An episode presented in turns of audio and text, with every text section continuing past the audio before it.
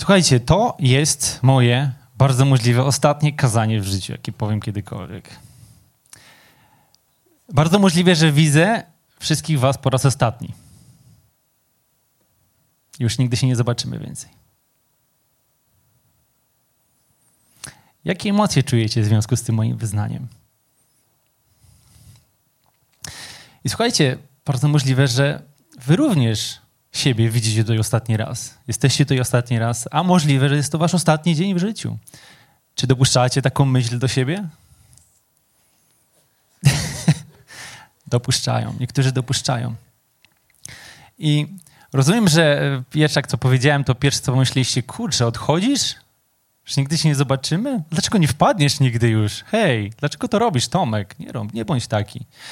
Ale czy właśnie nie jest tak, że e, troszeczkę wyparliśmy myśl o tym, że naprawdę nie mamy stuprocentowej pewności, że będzie jutro jakiekolwiek, ponieważ nie mamy nad tym absolutnie żadnej kontroli.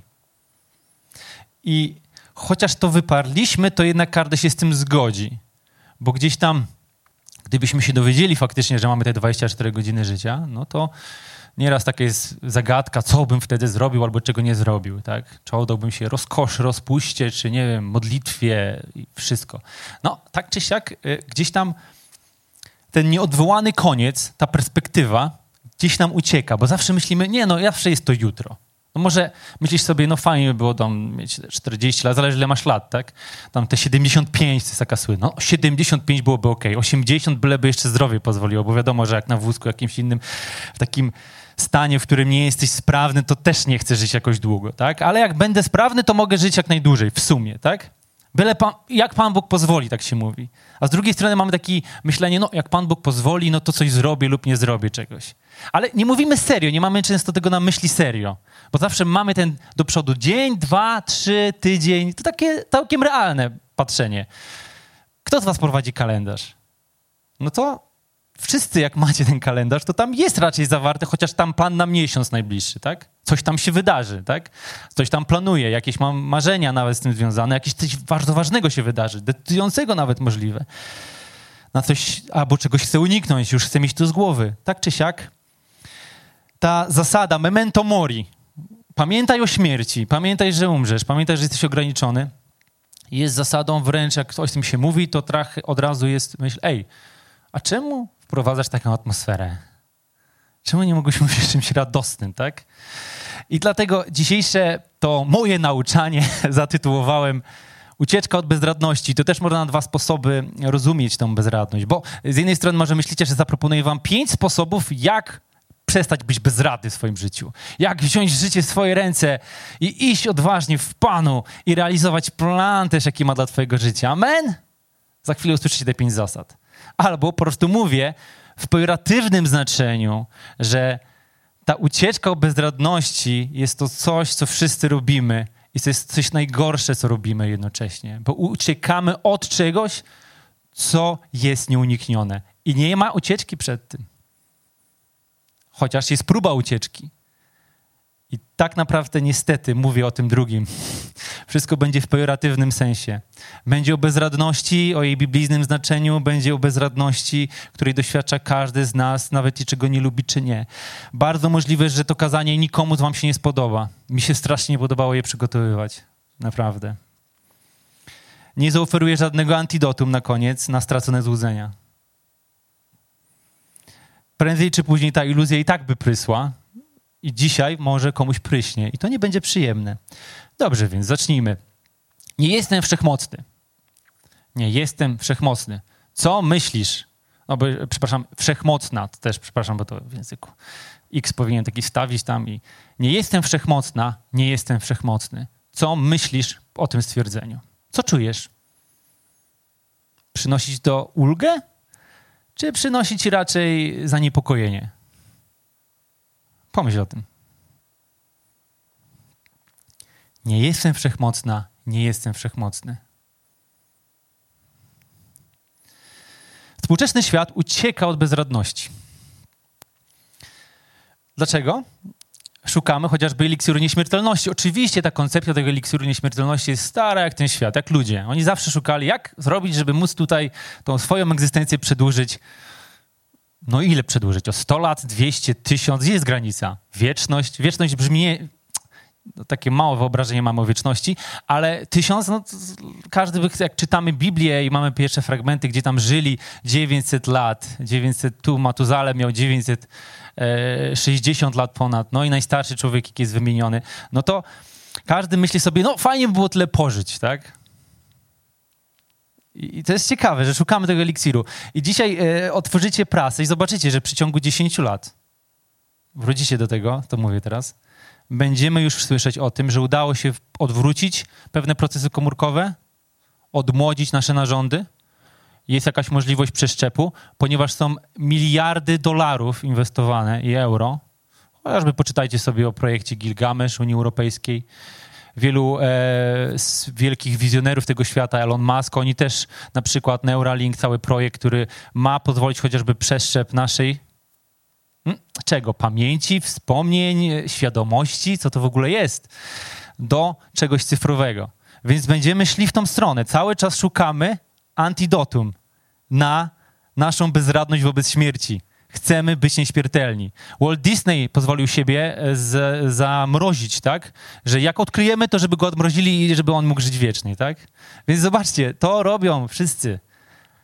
Ale jak my zachowujemy się? Mówimy nie, jako chrześcijanie, my jestem gotowy na wieczność z Panem.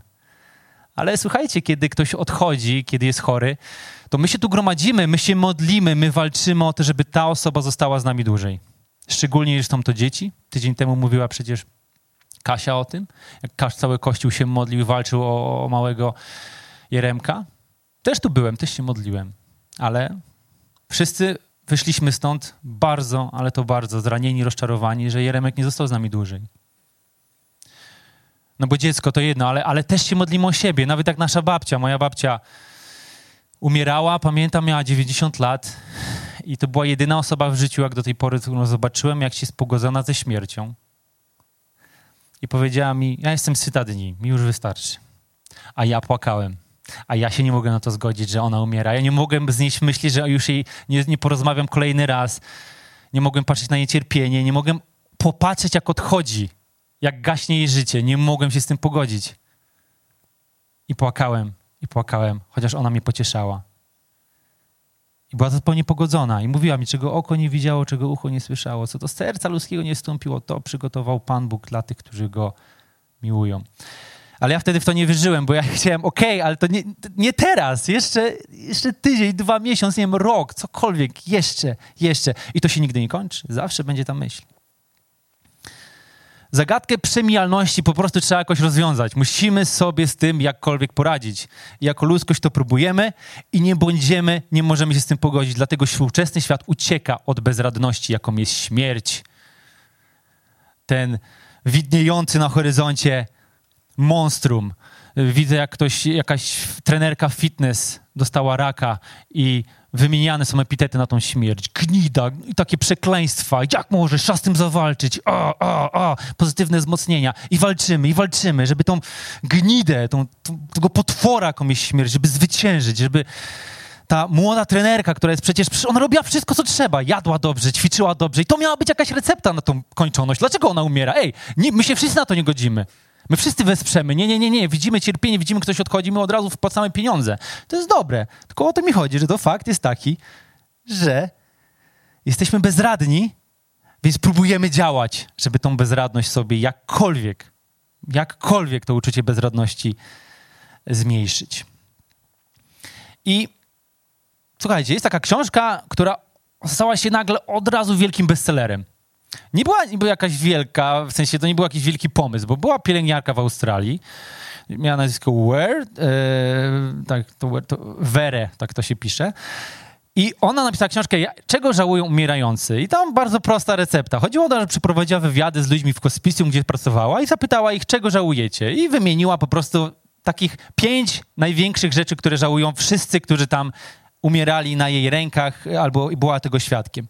Po pierwsze, Czego żałują umierający? Po pierwsze, żałować będziemy, że nie mieliśmy odwagi żyć tak, jak chcieliśmy. a nie tego, jak od nas oczekiwali inni. Po drugie, że za dużo pracowaliśmy. Po trzecie, że baliśmy się okazywać uczucia. Po czwarte, że tracimy czasami bezpowrotnie kontakty z przyjaciółmi. I po piąte, że sami sobie nie pozwoliliśmy być szczęśliwymi.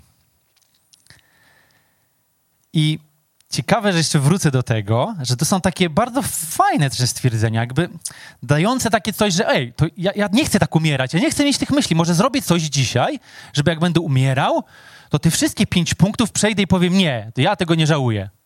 Żyłem tak, jak chciałem żyć, nie jak inni ode mnie oczekiwali, nie straciłem kontaktu z przyjaciółmi, ale ja tak sobie czytam to, naprawdę w to wierzysz, Tomek, że tego niczego nie przekro... jakby naprawdę będzie wszystko, że żyłeś tak, jak chciałeś żyć, a nie tak, jak inni oczekiwali? Naprawdę? Myślisz, że naprawdę nie stracisz żadnego kontaktu z przyjaciółmi, których kochasz dzisiaj i stracisz i nie będziesz tego żałował? Naprawdę? To jest taka idyliczna wizja, którą może być takim obietnicą dla mnie, a ostatecznie moją największą porażką, że ja uwierzę, że mogę, ale ostatecznie nie dam rady. Żadna epoka nie dokonała tak daleko posuniętego wyparcia najoczywistszego faktu ludzkiej egzystencji. Okoliczności nieodwołalnie ona musi się po prostu zakończyć. To życie jest i to życie się skończy. Tyle. Filip e, Aries wydał taką książkę Człowiek i śmierć i on tam bardzo akurat dotknął tematu e, żałoby.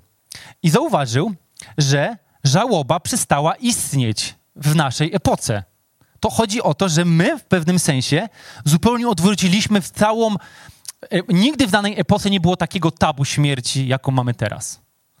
E, może się z tym utożsamicie, ale ja naprawdę widzę wiele tych elementów, e, jak zachowania. I to wśród chrześcijan, czy w ogóle wśród ludzi, że generalnie kiedyś było tak, że jak ktoś umierał w danej społeczności, to ta osoba angażowała całą społeczność w żałobę. Stąd na przykład mamy tradycję, że jest żałoba narodowa. Wszyscy musimy cierpieć. Jeśli na przykład Jan Paweł II odszedł, no to wszyscy musimy poddać się żałobie, tak? To po prostu takie gremialne musi być. E, więc y, mówię po prostu o jakiejś ostatniej tam żałobie, która była. A nie, jeszcze później był, e, był prezydent Kaczyński przecież tak dalej. No ale musimy cierpieć, tak razem, razem to przez to przejść. Ale dzisiaj zobaczcie, jak człowiek doświadczy takiej straty, albo cierpienia, albo jakiejś tragedii, to co my robimy?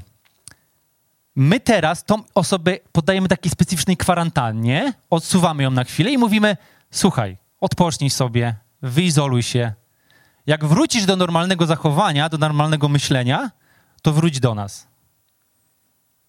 I w rzeczywistości my po prostu nie chcemy uczestniczyć w tej żałobie, bo życie musi toczyć dalej, tak? Bo przecież wszystko, co dzisiaj my mówimy, robimy, to przecież możesz więcej, pchaj, późny kapitalizm, a po prostu kapitalizm. Rośnij, zysk, rozwój. Wszystko do przodu. To nie ma czegoś takiego jak stanie w miejscu. Stanie w miejscu jest porażką. A żałoba, no żałoba jest takim trochę dziwnym miejscem, bo trochę stoisz w miejscu, jakby nie było. Nagle wracasz do tej osoby, myślisz o niej, nie możesz sobie poradzić, ty już nigdy jej nie zobaczysz. Może ta osoba niech lepiej faktycznie pobędzie sama. Dajmy jej spokój. I myślimy sobie, ok, my work here is done. But you do nothing. Goodbye. I wiesz, dobra, kto zna mema wie. I o to chodzi, że wyparli, wypieramy to i tak właśnie funkcjonuje. I to była książka z 1972 roku i nawet nie wie ten autor, bo on już umarł, jak bardzo aktualne stało się jego słowa. Poczytam. Przyzwoitość zabrania dziś czynić jakiekolwiek wzmianki na temat śmierci. Jest to chorobliwa sytuacja. Rozmowy wyglądają tak, jak gdyby śmierć nie istniała. Są tylko ludzie, którzy znikają i przestaje się o nich mówić. Być może później na nowo pojawią się w rozmowach, kiedy wszyscy zapomną, że już umarli. Right in miał, miał.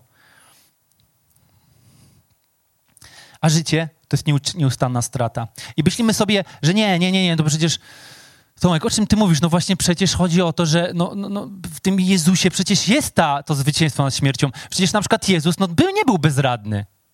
Nie, no Jezus był bardzo bezradny. I zobaczcie, za chwilę mamy Wielkanoc i co będzie wspominane w Wielki w Piątek? To będzie jedno wielkie stwierdzenie Jezusa, które mówi, jestem bezradny. O godzinie szóstej ciemność zaległa całą ziemię, do godziny dziewiątej, o godzinie dziewiątej zawołał Jezus donośnym głosem, Eloi, Eloi, lama szabatani. To się wykłada, Boże mój, Boże mój, czemuś mnie opuścił. I tak, współczesna śmierć jest taka, nie jest w ogóle wkomponowana w e, krajobraz codzienności, usuwa ją się, usuwa się ten tragizm tej śmierci, więc dlatego musimy sobie poradzić z tym, więc wiecie, ten cały tragizm, chaos, destrukcja, nieodwołalność, nieuchronność, okrucieństwo, mm, no, nie ma tu miejsca w tej narracji zwycięstwa, osiągania sukcesu. Więc jaka ta, jak śmierć wygląda dzisiaj? I tutaj e, fajny cytat z książki Tomasza Stewierzyńskiego. Właśnie Ucieczka od bezradności. Tu chciałem polecić tą książkę, bo tytuł e, dała mi również, mam parę fajnych rzeczy znaczonym. Bardzo polecam do przeczytania. Nowe nauki o umieraniu przedstawiają raczej śmierć po licznych operacjach plastycznych. Z, e, z obliczami wypełnionymi silikonem, botoksem, pokrytymi starannym makijażem. U chirurgicznie wypreparowanych zębach, spiłowanych kościach policzkowych, przyklejonych do ust nienaturalnym uśmiechem i doskonale wystylizowaną fryzurą. Ta śmierć przywodzi na myśl bardziej radosnego sprzedawcę, zapętlony w nieskończoność nagraniu zachwala niegasnącym entuzjazmem ultranowoczesne odkurzacze, czy jakiegoś trenera, który nieustannie zagrzewa swoich podopiecznych do walki. Jeszcze jeden, jeszcze jeden, jeszcze jeden punkt przewagi. Czy to właśnie w taki sposób, w koszmarnych snach, takiej um, obsesyjnej hipochondrii, obawą o cudzą chorobę, kompulsywnych ćwiczeniach fizycznych, diecie, daje dzisiaj się znać ta nieredukowalna składowa naszej kondycji, czyli po prostu nieodwołalna skończoność. Bo dlaczego my na przykład mamy tak, że dziewczyny, do was, słuchajcie, jesteście tutaj, co byście chciały na siłowni zrobić, jakbyście szły na siłownię? Jaki macie cel? Schudnąć? A, a dlaczego schudnąć? Żeby nie być ulanym. No tak, ma to sens, ma to sens. Ale dlaczego? Przenieślibyśmy się do epoki wiktoriańskiej i jaki byśmy mieli standard piękna? Ulane, tak, ulana dziewczyna, która jest jak najbardziej przy kości, jak to się mówi. To co? To byłoby ile piękna, najlepiej blada. To znaczy, że nie pracowała za dużo w swoim życiu, że pochodzi z arystokratycznej rodziny. Najedzona, ewidentnie najedzona, nie odmawiała sobie, to znaczy, że ma wszystko pod dostatkiem. To było element statusu. Każda kobieta chciałaby na Instagrama wrzucić, jakby Instagrama przenieść do epoki wiktoriańskiej, to by był zupełnie inny obraz kobiecości, zupełnie inny obraz. E, a kto byłby postrzegany jako brzydki? Wyćwiczona, śniada, szczupła, wysportowana kobieta, która ora w polu to byłby kanon dzisiejszego piękna, a wtedy to była największa brzydota. Gdzie ty się tak opaliłaś? Boże, na polu robiłaś, co? Jakby kogoś za karę tam, wiesz, coś zrobili. Co ty masz takie przyładowana jesteś, brzuch, tutaj kaloryfer, może nie wiem, tyłeczek, wiesz, tutaj odstający. O co tu chodzi w ogóle? Od czego ty to masz? Ziemniaki nosiłaś, czy jak? Tak by było. I zobaczcie, że jak ten kanon się w ogóle zmienia, tak? Więc to, że my mamy postrzeganie pewnych rzeczy, tak jak kanon piękna, na przykład osoba idzie na siłownię, no tak samo, ja mam teraz y, takie dwie klientki akurat na, na, na siłowni, no, znajome z kościoła, żeby nie było. Moja żona zna, więc wiecie, wszystko jest okej. Okay. I chodzi o to, no one po prostu chcą mieć ładny tyłek, tak? Tyłek, jak tu, tu, żeby większy było. Tu większe, tu mniej. Jakaś magic, zrób co, no. Powiedz mi, jakieś najlepiej mało, żeby mało się narobić i żeby to jak najszybciej wzrosło. No, bardzo proste, tak? Nie chcemy generalnie, żeby, e, żeby to, jak wyglądamy, bo dane zostało jakieś ocenie, przez jakiś kanon, który jest naprawdę na chwilę, z perspektywy całej ludzkości i żyjemy po to, żeby jak najdłużej to było utrzymane. Po co ci ludzie? To wiecie, tak, mamy już coraz więcej tego, że ludzie wszykują sobie tam różne specyfiki. Naprawdę to źle wygląda. Ale i tak to robią, bo oni najbardziej oszukują samych siebie. I to jest oszustwo, które my z siebie sami również oszukujemy. Bo cena nieobecności śmierci jest nieumiejętność umierania. I Dlatego nas tak ta pandemia rozwaliła. To był nagle taki strach, którym my, ej, ej, to może nie jest jutro, to może jest dzisiaj. Czytaliśmy te wszystkie raporty, ile osób, ja codziennie wstaję, pierwsze co, ile dzisiaj osób umarło, ile zachorowań, w jakim kraju, jakieś te rankingi, wszystko sprawdzałem codziennie. Ale przecież czekajcie, nie jestem chrześcijanem, nie wierzę w życie wieczne po śmierci z Jezusem? O co ja tak drżę w takim razie? O co my się tak modlimy o te uzdrowienia? Po co? Jakby, po co przedłużać tą egzystencję? Czy śmierć nie jest jakimś zyskiem? We współczesnej narracji nie, nie jest zyskiem. jest słabością. Kaznodziei Salomona 7, 7 rozdział. Lepiej iść do domu żałoby, niż iść do domu biesiady, bo tam widzi się kres wszystkich ludzi, a żyjący powinien brać sobie to do serca. Lepszy jest smutek niż śmiech, bo gdy smutek jest na twarzy, serce staje się lepsze. Serce mądrych jest w domu żałoby, lecz serce głupich w domu wesela. Bo tam widzi się kres wszystkich ludzi, a żyjący powinien brać sobie to do serca. I to jest właśnie biblijna zasada. Pamiętaj o śmierci, weź sobie do serca, że umrzesz. Żyjemy w świecie, który daje, nie, nie, daje nam prawa do słabości, bo zobaczcie, że jak język wygląda, bo to, jak język wygląda, to często wygląda nasza komunikacja, co my jesteśmy w stanie ekspresyjnie wyrazić na tematy jakiekolwiek związane z bezradnością, rozpaczą czy niemocą. Czy właśnie my poprzez to, że ta e, żałoba zanikła, że ta śmierć jest odsunięta, ona jest schowana za parawanami szpitalnymi. Ona jest gdzieś tam, wiecie, to tam na wojnie giną, gdzieś. Mam nadzieję, że to u nas nie będzie nigdy. A jak będzie, to, to my nawet nie przyjmujemy tej myśli. Ej, ej, stop, to u nas to się nie dotyczy. Ty jesteś w Chrystusie, ty jesteś wierzący. Pan Bóg nie ma dla ciebie przecież takiego planu. Bardzo ciekawe przemyślenie na przykład może być. I zobaczcie, że przeczytam wam jedną rzecz również z tej książki. Nieprzybyta żałoba powraca prędzej czy później jako depresja. Doszedł do tego jeden z najciekawszych współczesnych psychologów, Jonathan Rottenberg, który poszukując odpowiedzi na pytanie o przyczyny współczesnej epidemii depresji, wykrył tę samą zależność. Brak możliwości otwartego skonfrontowania ze stratą, zwłaszcza gdy, zwłaszcza gdy jest ona dotkliwa, powoduje, że po pewnym czasie cały skomplikowany system regulowania naszych stanów emocjonalnych ulega specyficznemu paraliżowi. I widzicie, ta depresja, ona często w ogóle nie siedzi w tym samym przeżyciu, tylko ona leży w tym, w jaki sposób jesteśmy umiejscowieni w tej kulturze, w której jesteśmy. Jakie narracje słyszymy, co dla nas się wydaje piękne, słuszne, fajne i tak dalej. My możemy mówić nie, jako chrześcijanie my, to nas nie dotyczy. My, my nie wypieramy takich rzeczy niestety również wypieramy. Bo zadaj sobie pytanie, jak często rozmawiamy o tak nieuniknionej, tak powszechnej rzeczy jak śmierć? Często o tym gadacie? Bardzo rzadko mi się zdarza z kimkolwiek o tym porozmawiać. A jakbym rozmawiał, tak jak teraz, no to wieje chłodem. Przyznajcie to, wieje chłodem. To nie jest jakiś fajny temat do roz, rozkminiania.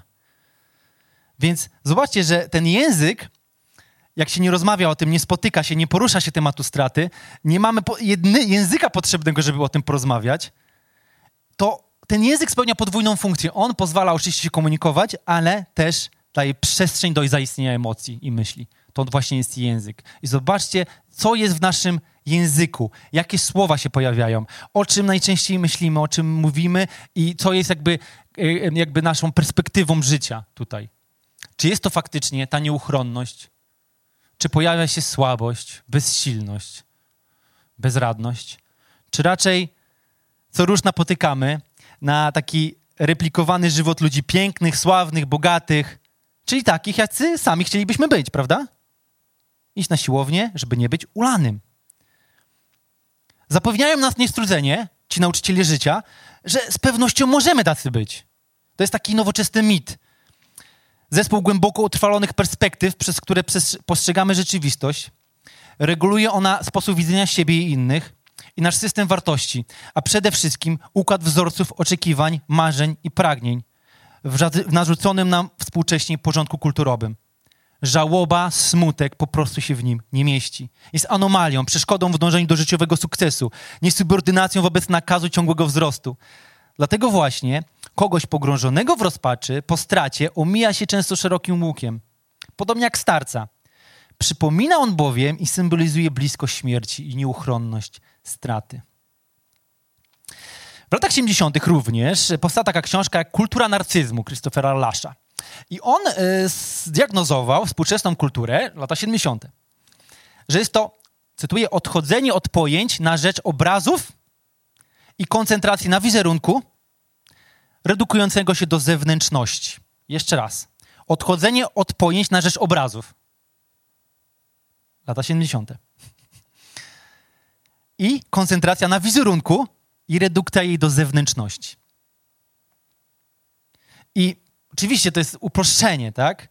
Ale zobaczcie, że jak mamy tą naszą kulturę, to, która wyparła te, te wszystkie trudne tematy ze swojego życia, ze swojego języka, że te wszystkie nasze ten fakt, że nasze życie nieubłagalnie dobiegnie końca, że wszystkie nasze plany, marzenia, miłości, jak my sami podobnie, jesteśmy z góry skazani na to samo, na śmierć. To jest jedyna naprawdę sprawiedliwa rzecz. Jeszcze. Dopóki się nie pojawią ktoś, kto powie, ej, ja mogę sprawić, weź tabletkę, daj sobie zrobić operację, zapłać oczywiście odpowiednio, przeżyjesz dużo dłużej, milion lat może. Kto wie? I powiedzcie mi, gdzie w tym całym zgiełku, w tym codziennym zabieganiu jest miejsce na śmierć, rozpaść, ograniczenie, skończoność czy bezradność? Gdzie jest miejsce na powiedzenie wprost: Nie mam siły, jestem bezradny wobec całej tej rzeczywistości. Nie godzę się na to. Nie, ma, nie jestem w stanie wstać z wyra, żeby mieć jeszcze chwilę siły na to wszystko, czego ode mnie oczekuje ten świat. To całe społeczeństwo ten cały rozwój, ciągle ten tort rośnie. Nawet jak już odkroiłem sobie kawałek, to okazuje się, że mogę większy odkroić. I dalej, i więcej, i bardziej, i mocniej.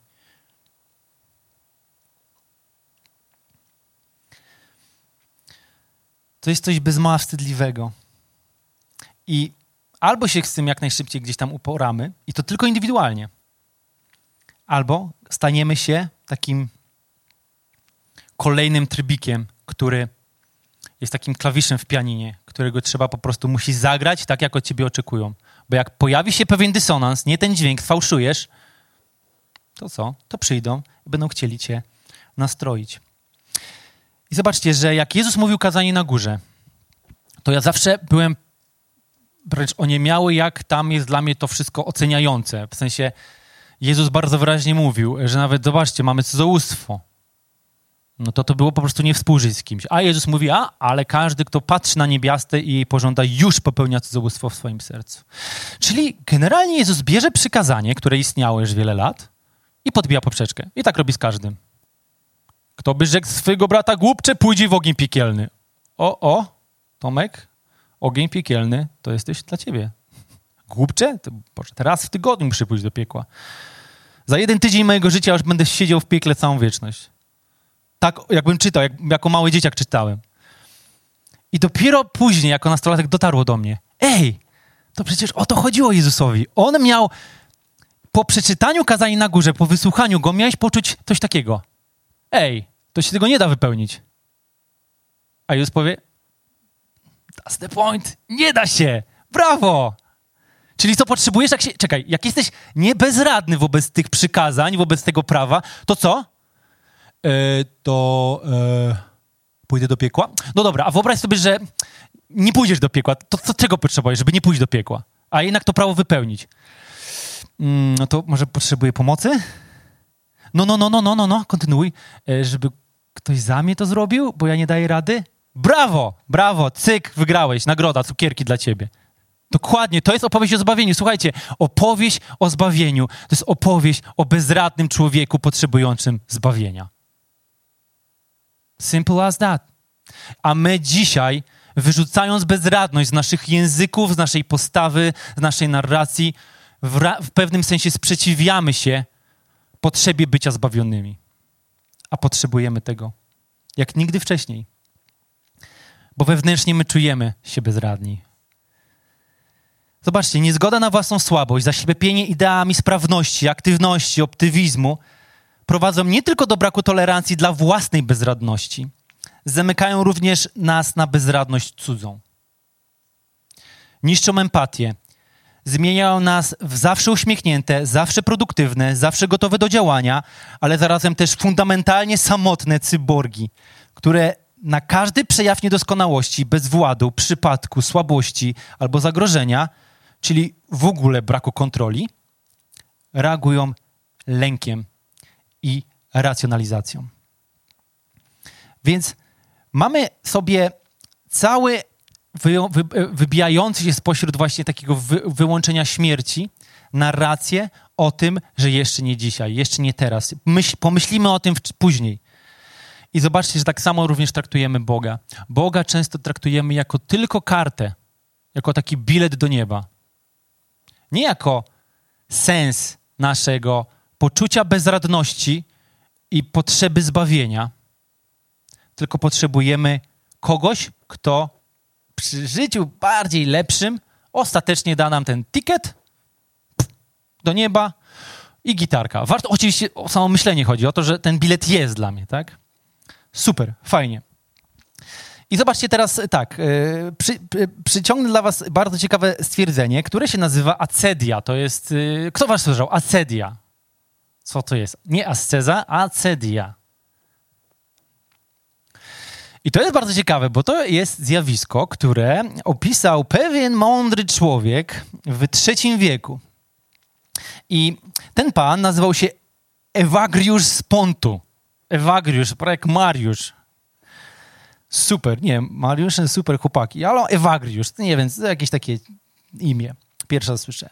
I to był taki wczesnochrześcijański anachoreta, bo wtedy był taki też kult tego bycia e, w pewnym sensie pustelnikiem, mnichem, który oddaje całego siebie Chrystusowi i idzie za nim. A gdzie go szukać? Gdzie szukać Boga najlepiej? Wyobraźcie sobie, jesteście w trzecim wieku. Nie ma tego wszystkiego, co mamy tutaj. Czy, gdzie szukamy go? No na pustyni najlepiej, tak? Na pustynię idziesz i tam, miejsce odosobnienia, gdzie ty wtedy wszystko cię przestaje, no to tam jest. Zresztą zobaczcie, że, że tam e, Jezus też poszedł na pustynię. Pustynia jest pewnym symbolem właśnie e, podróży ku Bogu. Miejscem odosobnienia, świadomego wyboru, cierpienia, aby pójść w kierunku Boga.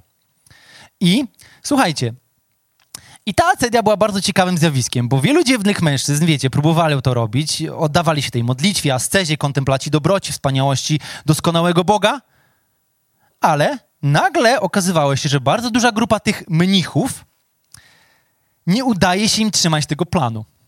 Bo zamiast doznać olśnienia, poznania Boga na tej pustyni, okazywało się, że oni mają pewne dziwne dolegliwości i chodzi one, że są opisane w III wieku. Jak pisze pan Ewagriusz, była to szczegalna mieszanka zniechęcenia gniewu, gnuśności, nudy, zobojętnienia, smutku. I co? Co to czujecie, co to jest? Czy to nie są wszystkie opisy współczesnej depresji? po prostu?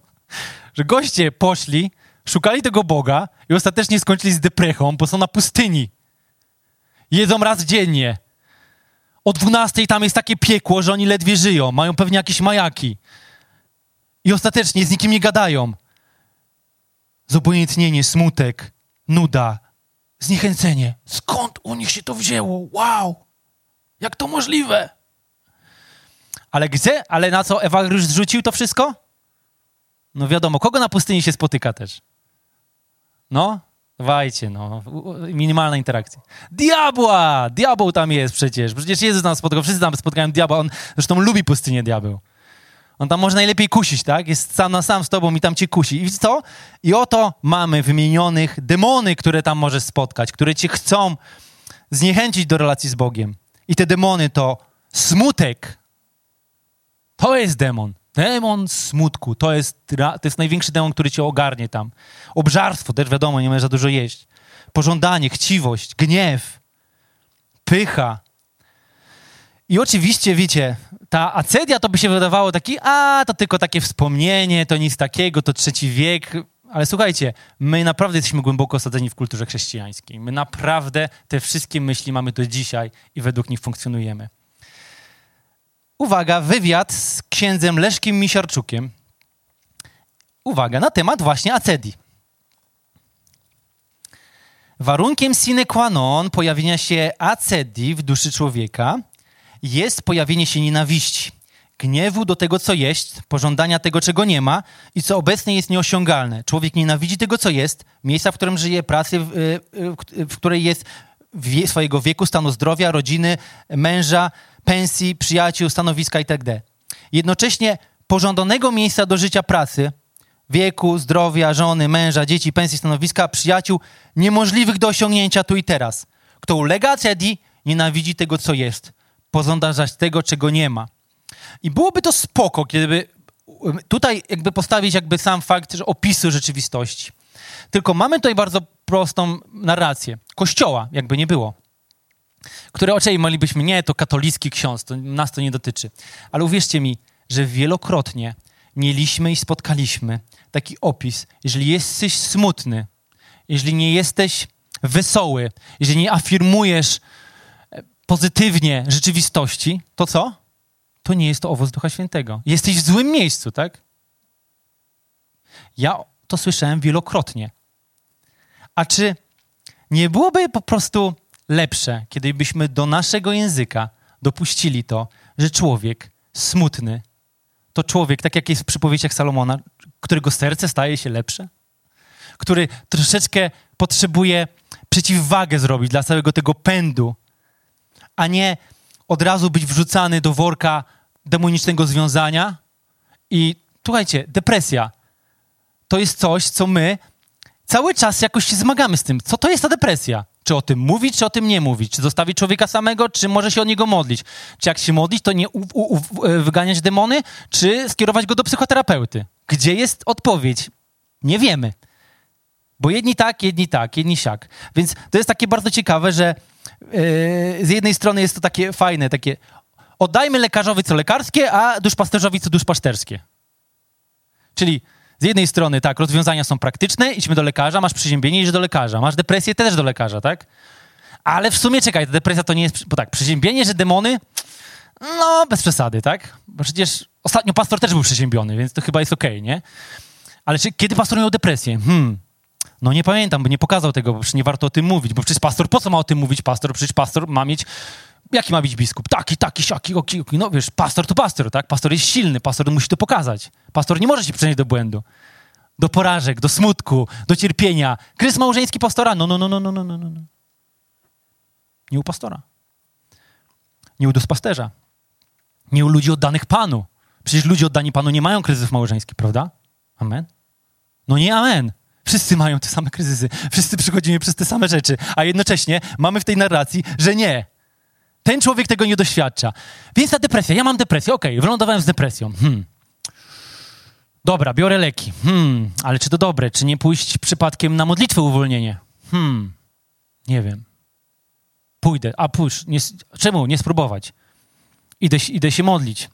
Dwie osoby powiedziały, że uwolnione zostały z tej depresji. No to idę. Modlą się o mnie. Hmm, nic nie pomogło.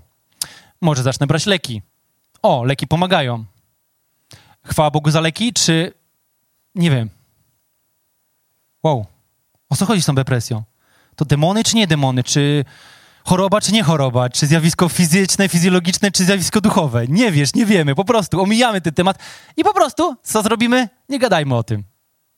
Niech, jak to się mówi, ci, co mają depresję, niech się zajmą tymi, którzy mają depresję, tak? Niech tam, może zróbmy im takie jakieś getto dla depresji, zróbmy im jakąś służbę, najlepiej. O, dla nich służbę specjalną.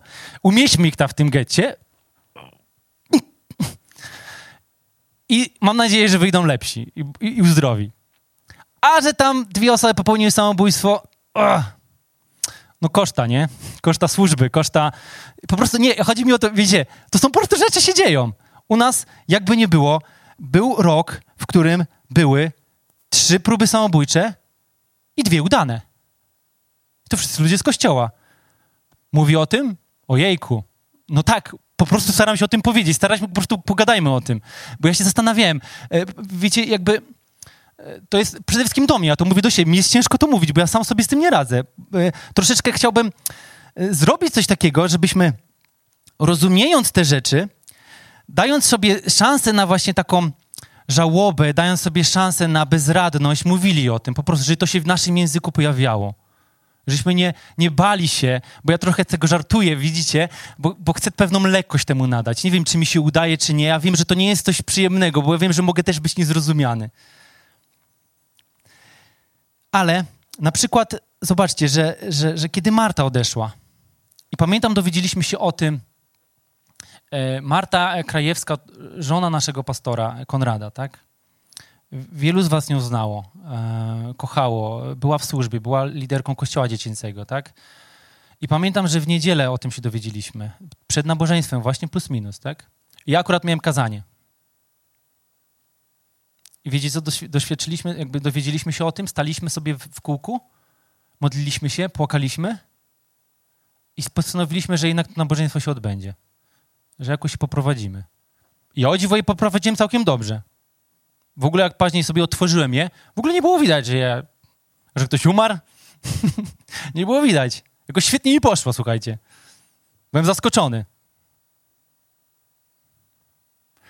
Ale czy przypadkiem wtedy nie wyparliśmy tego? Czy przypadkiem nie było lepiej może, może, po prostu się zastanawiam, powiedzieć wszystkim, wiecie co? Nie poprowadzimy się na nabożeństwa. Idziemy do domu. Ja nie dam rady. Nie dam rady powiedzieć tego kazania. Nie chcę, żeby ktokolwiek dawał radę, tak szczerze. Bo to nie chodzi o zastępstwo. O, znajdziemy kogoś silniejszego na twoje miejsce. Why not? Może to było lepsze. Nie wiem. Tak czy siak, w pewnym sensie poddaliśmy się całej tej radosnej afirmacji, wypleniając, od, odstawiając to, co nieuchronne. Bo może, nie wiem, należało się cieszyć, że Marta umarła. Dlaczego? No jest wiecznie z Bogiem, tak wierzymy. No, cały czas to jest ta nadzieja, to jest to zbawienie, tak? Więc co, my się tak martwimy. No rozumiem, że okej, okay, Marty już nie będzie, nie porozmawiamy z nią, e, nie zobaczymy, jak ona funkcjonuje, jakby rozumiem, ale z drugiej strony, dlaczego my się nawet nie cieszymy? No bo dlatego, bo trochę tego tematu nie rozumiemy. Dlatego chciałbym, żeby tutaj właśnie padając, mówiąc te rzeczywistości, mówiąc o tym uniwersum, powiedzmy, e, warto, aby o śmierci, o dramatach, o trudnościach, abyśmy nie bali się o tym mówić i żeby Kościół był miejscem, gdzie bezpiecznie o tym mówimy, nie myśląc, że mówimy do lepsz, ludzi lepszych, bardziej może w Panu, przydających lepszy owoc i tak dalej, bo kto z nas nie jest bezradny? Wszyscy jesteśmy bezradni i to jest podstawa naszego zbawienia, że jesteśmy bezradni i potrzebujemy Zbawiciela.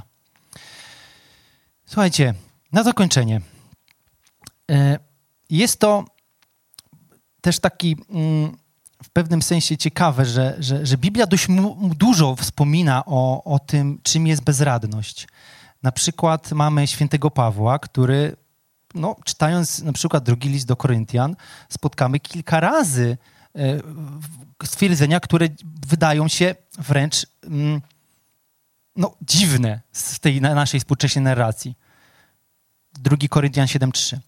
Teraz jednak cieszę się, nie dlatego, że byliście zasmuceni, ale że byliście zasmuceni ku upamiętaniu. Zasmuceni bowiem byliście po Bożemu. Tak, że w niczym nie ponieśliście szkody z naszej strony, albowiem smutek, który jest według Boga, sprawia upamiętanie ku zbawieniu i nikt go nie żałuje. Wprost. Smutek od Pana, który sprawia zbawienie. Smutek, który daje, nie daje sobie rady, jestem bezradny, nie mam siły. Nie, Paweł dalej mówi w tym samym liście. Z siebie samego chlubić się nie będę, chyba tylko z moich słabości. Bo jeśli nawet zechcę się chlubić, nie będzie to przechwałka głupiego, bo prawda będzie to, co powiem. Lecz wstrzymuję się, żeby ktoś nie myślał o mnie więcej ponad to, co widzi albo ode mnie słyszy. Bym się więc z nadzwyczajności objawień zbytnio nie wynosił, wbity został cierń w moje ciało, jakby posłaniec szatana, by mnie policzkował, abym się zbytnio nie wynosił. W tej sprawie trzy razy prosiłem Pana, by On odstąpił ode mnie. Lecz powiedział do mnie, dosyć masz, gdy masz łaskę moją, albowiem pełnia mojej mocy okazuje się w słabości. Najchętniej więc chlubić się będę słabościami, aby zamieszkała we mnie moc Chrystusowa. Dlatego mam upodobanie w słabościach, w zniewagach, w potrzebach, w prześladowaniach, w uciskach. Przepraszam, rozładował mi się iPad, ale mam telefon. Jestem bezradny wobec iPada i jego rozładowania się. Chwała Bogu za duże ekrany w telefonach. Słuchajcie. Już, już, przepraszam. Jeszcze raz. Dlatego mam upodobanie w słabościach, w zniewagach, w potrzebach, w prześladowaniach, w uciskach dla Chrystusa, albowiem kiedy jestem słaby, wtedy jestem mocny. Czy to nie jest zupełne przeciwieństwo tego, co jest jakaś narracja? Bo jest to prosta, narracja jest banalna. Kiedy jesteś mocny, wtedy jesteś mocny. A jak nie jesteś mocny, no to bądź mocny, działaj. Jesteś smutny, powinieneś walczyć z tym, leczyć to, może masz tu leki. Y, pójdź do kościoła, jakąś terapię. Nie możesz odchodzić od tego, żeby być lepszym, bardziej, więcej, zysk, rozwój. Zobaczcie, że to, co jest kwintesencją Kościoła, jest to, że Chrystus spotykał się z wieloma ludźmi jeden na jeden. I to jest dla mnie coś, co mnie najbardziej przyciąga do Chrystusa, to spotkanie jeden na jeden.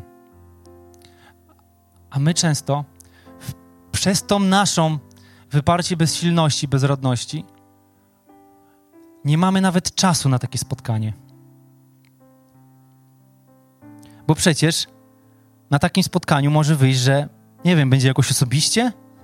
Przecież mogę przyjść do kościoła, najlepiej jak będzie dużo ludzi i wyjść. Poczuć się lepiej i wyjść.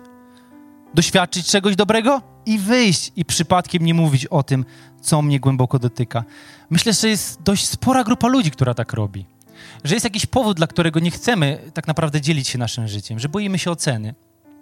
I tak, i dla mnie to jest coś chyba najgorszego, co Kościół może robić. Oczywiście nie chce tego robić, bo to nie jest, że cel ma taki Kościół. Kościół po prostu przez to, że na przykład rośnie, że jest więcej ludzi, no to jak na przykład północ. No, północ jest, tutaj nawet się mówi, takim benchmarkiem dla wielu różnych kościołów w Polsce, tak? Jest super działającym wspólnotą, zdrową, zbalansowaną, a jednocześnie jest dużą wspólnotą, więc automatycznie będzie miało minusem, będzie to, że przyjdzie ktoś i wyjdzie i nigdy go nie zobaczymy, nigdy nie zapytamy. Po prostu. To jest niejako pewne, pewna konsekwencja, tak? Dlatego dobrze nie myśleć, że północ to jedyny słuszny kościół, bo są miejsca, gdzie, gdzie ten człowiek doświadczy dużo więcej pomocy, dużo więcej wsparcia w dużo mniejszej wspólnocie, może na jakiejś grupie domowej i tak dalej. Chociaż oczywiście też grupy domowe staramy się robić. I oczywiście też do tego e, zachęcamy, żeby być w tym, żeby być właśnie bezradnym, żeby przyznać, że nie mamy kontroli nad tym życiem, że naprawdę, Boże, nie daję sobie rady z moimi emocjami, nie daję sobie rady z moimi myślami. I to nie jest coś, co koniecznie musi być wyrazem tego, że z Tobą jest coś nie tak. Może to jest po prostu wyraz Twojego zmęczenia, wyraz tego, że po prostu powiedz: Potrzebuję pomocy, potrzebuję modlitwy, potrzebuję zbawiciela. Tak jak my wszyscy. Bo to ktoś, że ktoś nie mówi o tym, to nie znaczy, że tego nie ma, bo wszyscy tego doświadczamy. I to nie jest tak, jak mówił Pan. Jeszcze raz sobie o tej acedii, przepraszam, zapomniałem jego. Ewagriusz. Ewagriusz mówił, że acedia to jest umiłowanie sposobu życia demonów, wspólniczka smutku. Smutek jest natomiast siedzibą utrapienia, zwiastunem wygnania, robakiem toczący ciało, udręką powodowaną myślami i więzami niewoli. Ewagriusz, wyluzuj. Wyluzuj. Jakby spoko. Ja rozumiem, że ktoś jest smutny, to jest jakiś problem. Ja rozumiem, że to nie jest coś fajnego, ale trochę więcej łaski bo wszyscy potrzebujemy smutku, potrzebujemy mieć żałobę, potrzebujemy pocierpieć, potrzebujemy popłakać, potrzebujemy tego, po prostu takie jest życie, na syt. Pozwólmy sobie na to, pozwólmy na to w kościele. Tak, i chciałem, żeby to miejsce, nie wiem, czy plus minus, czy, czy kościoły nasze tutaj, jakiekolwiek społeczności, które kocham w naszym, e, w Warszawie czy w Polsce, były takimi miejscami, gdzie ludzie po prostu mogą powiedzieć, ej, ja mam dzisiaj ochoty śpiewać, nie wiem, czy kogokolwiek, mam Mam ochotę nawet po, posiedzieć, pomyśleć, albo po prostu poprosić, przyznać się do tego, że była łatwość, a nie, że było miejsce, że nie, ja nie będę poszedł do kościoła, bo jest mi smutno, bo ludzie mnie zobaczą i będą zadawać pytania. A dlaczego będą zadawać pytania? Bo będą tak patrzeć, ej, ej, ej, co jest z tobą? Wszystko ok z tobą? Mogę coś z tym zrobić? Nie mogę nic z tym zrobić? Ale jak nie mogę z tym zrobić? Mogę się o ciebie pomylić. Lepiej? Jeszcze. Jest? Lepiej? A teraz? Dobrze? Już? Jest? Już przestać być smutny? Przestać być smutna? Wiecie, i w tym wszystkim i tak rośnie coś takiego, że jest dziwny cringe i tak po ostatecznie nie chcesz tej takiego, takiej pomocy. Bo potrzebujesz po prostu takiego głęboko sadzonego w naszej kulturze zrozumienia tego, że to nie są demony, to nie jest jakiś brak owoców Panu, tylko to jest zwykły, normalny smutek, który może być również od Boga. A jak nie jest, to spokojnie możesz przyjść tym do Boga i po prostu pogadać o tym na luzie, posiedzieć, nie przyspieszać tematu. Dawaj, szybciej, rośnij! Dawaj! Czemu nie rośnie? Czemu nie przestaje być smutny? Na przykład moi rodzice może oglądają, to było coś takiego, wiecie, ja mam tak, jak ktoś płacze przy mnie, to ja się, ja, ja jestem zagniewany.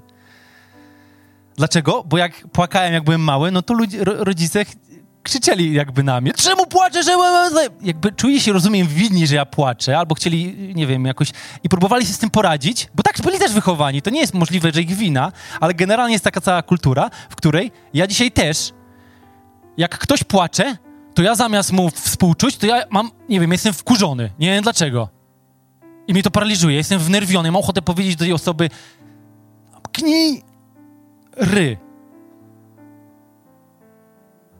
I też nie chcę tego, żeby tak mieć. Nie, nie chciałbym mieć takiego czegoś. I tak, i chcę się modlić o to, żeby nie reagować w ten sposób. Tak, i troszkę według moich racji jestem bezradny. I to też jest zupełnie okej. Okay. Bezradność jest okej. Okay. Optymizm, pozytywne myślenie, przekonanie o własnej odpowiedzialności za sukces, porażkę czyni nas ślepimi na, nie, na nierówności na okrucieństwo, na niesprawiedliwość. Bo zmuszani do nieustannej afirmacji, pozytywnego myślenia, zwłaszcza w sferze zawodowej, zdrowotnej, ma być niby gwarantem pozytywnego efektu. A co jeżeli brak najpewniej Twojej myśli, jakby brak tego, że myślisz pozytywnie, to może jest kwestia Twojego defetyzmu, może nie byłeś wystarczający nacechowany wiarą w świetlaną przyszłość. Przecież to, to wszystko, co się dzieje, to nie ma nic z tym wspólnego. Co z tego, że tam pandemia była, wojna na Ukrainie, trzecia wojna światowa na horyzoncie. Co tam? Myśl pozytywnie, rośnij w nieskończoność. Jesteś kowalem własnego losu.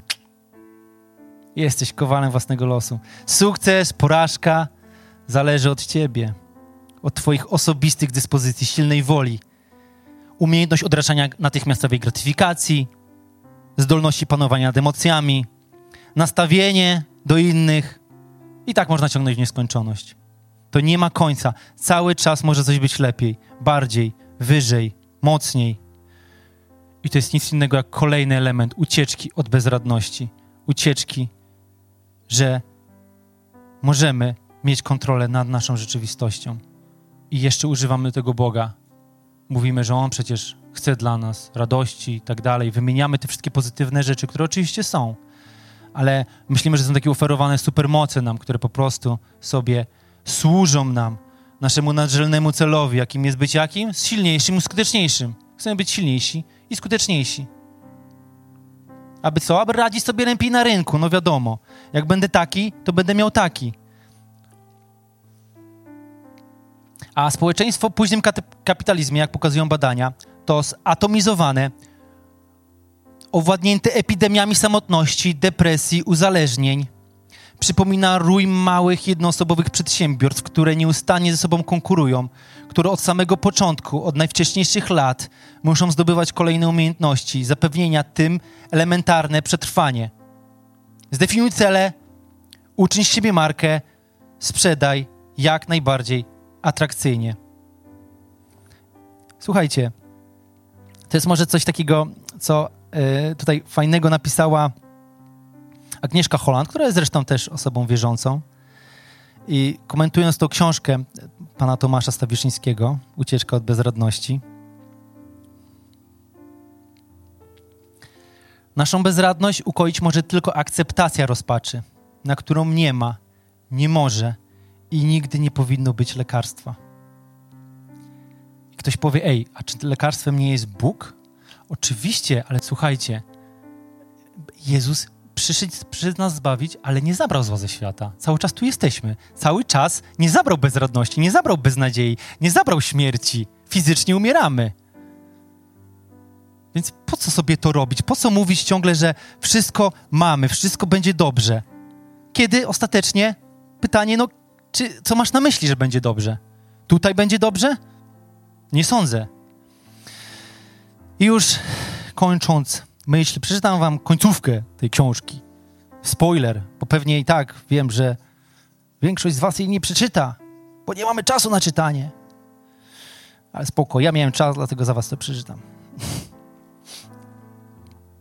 Przepraszam, że tak długo mówię, ale słuchajcie, no. Czasem dobrze się pochylić na czymś dłużej.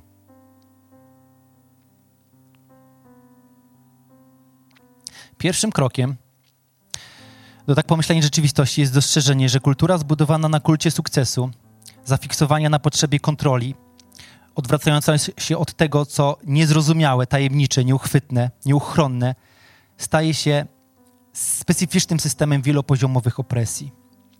Systemem dyskryminującym wszystkich, którzy nie mieszczą się w wąskim wzorcu sprawności i którzy nie są w stanie dotrzymać innym tempa w permanentnym wyścigu o prestiż, o miejsce w hierarchii, o kapitał moralny i symboliczny, o taki czy inny przywilej.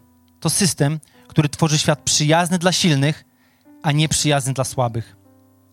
Dlatego właśnie wcale nie potrzebujemy dzisiaj wzmocnienia, nadziei czy siły, żeby heroicznie przezwyciężać piętrzące się przed nami trudności. Nie potrzebujemy pozytywnego nastawienia, sprawności rozwoju osobistego, entuzjazmu, wiary w siebie, optymizmu. Przeciwnie. Potrzebujemy lęku przed śmiercią i świadomości, że wszyscy prędzej czy później umrzemy. I że śmierć jest o tyleż doniosła, co nieuchronna, ile upiornie wręcz banalna. I przyjdzie na każdego zupełnie znienacka, bez zapowiedzi, bez sensu.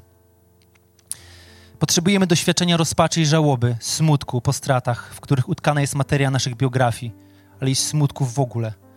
Tego specyficznego uczucia pojawiającego się, ile, ilekroć uświadamiamy sobie, że nas i dookoła nas nie ma niczego, co podlegałoby bezlitosnemu prawu umierania i rozpadu.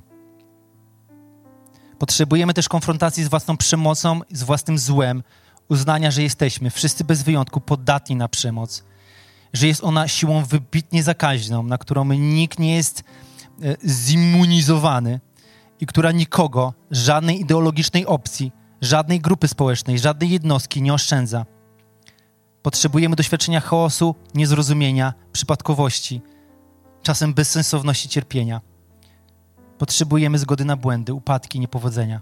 Potrzebujemy zgody na bezradność. I wierzę, że tutaj mimo że ten autor nie porusza tutaj tematu Boga, to tam da się wstawić idealnie to, co Bóg ma dla nas. I to nie jest wyłączenie od nas. Nie będziesz się już nigdy smucił, nie będziesz już nigdy chory. Nie umrzesz! Mówimy fizycznie. Tylko jest to zupełnie inna obietnica. Ona dotyczy nie tego, nigdy tego świata. Ona nie dotyczy w ogóle tej rzeczywistości, w której jesteśmy. Ona w ogóle odsyła nas do innego świata po śmierci. Nie tutaj. Tutaj to jest śmierć. Sam Jezus cierpiał, sam Jezus wydał się na śmierć, sam Jezus siebie uczynił bezradnym, abyśmy w naszej bezradności mogli doświadczyć zbawienia. Więc może tego właśnie dzisiaj potrzebujesz. Przyznać, że jesteś bezradny wobec też zła, które jest w tobie. Nazwijmy to grzechu, który jest. I potrzebujesz Zbawiciela, bo to jest tak głęboko w fundamentu gmachu twojego serca, ta nadzieja odkupienia. Potrzebujesz pomocy i potrzebujesz, żeby ktoś pomógł ci tak, jak potrzebujesz pomocy. Nie na zasadzie nachalnego, szybko, teraz, mocno, tylko takiego czegoś długoterminowego, czegoś nie, które pomarzy tu i teraz, a za tydzień znowu będzie to samo, tylko czegoś, co jest wieczne. I tak jak Paweł mówił, zostaje nam wiara, nadzieja, miłość, ale z nich największa jest miłość. Wierzę, że miłość objawia się również w ten sposób, że umiemy okazywać sobie empatię, umiemy zobaczyć, przyznać swoją bezradność, ale wtedy widzimy bezradność innych.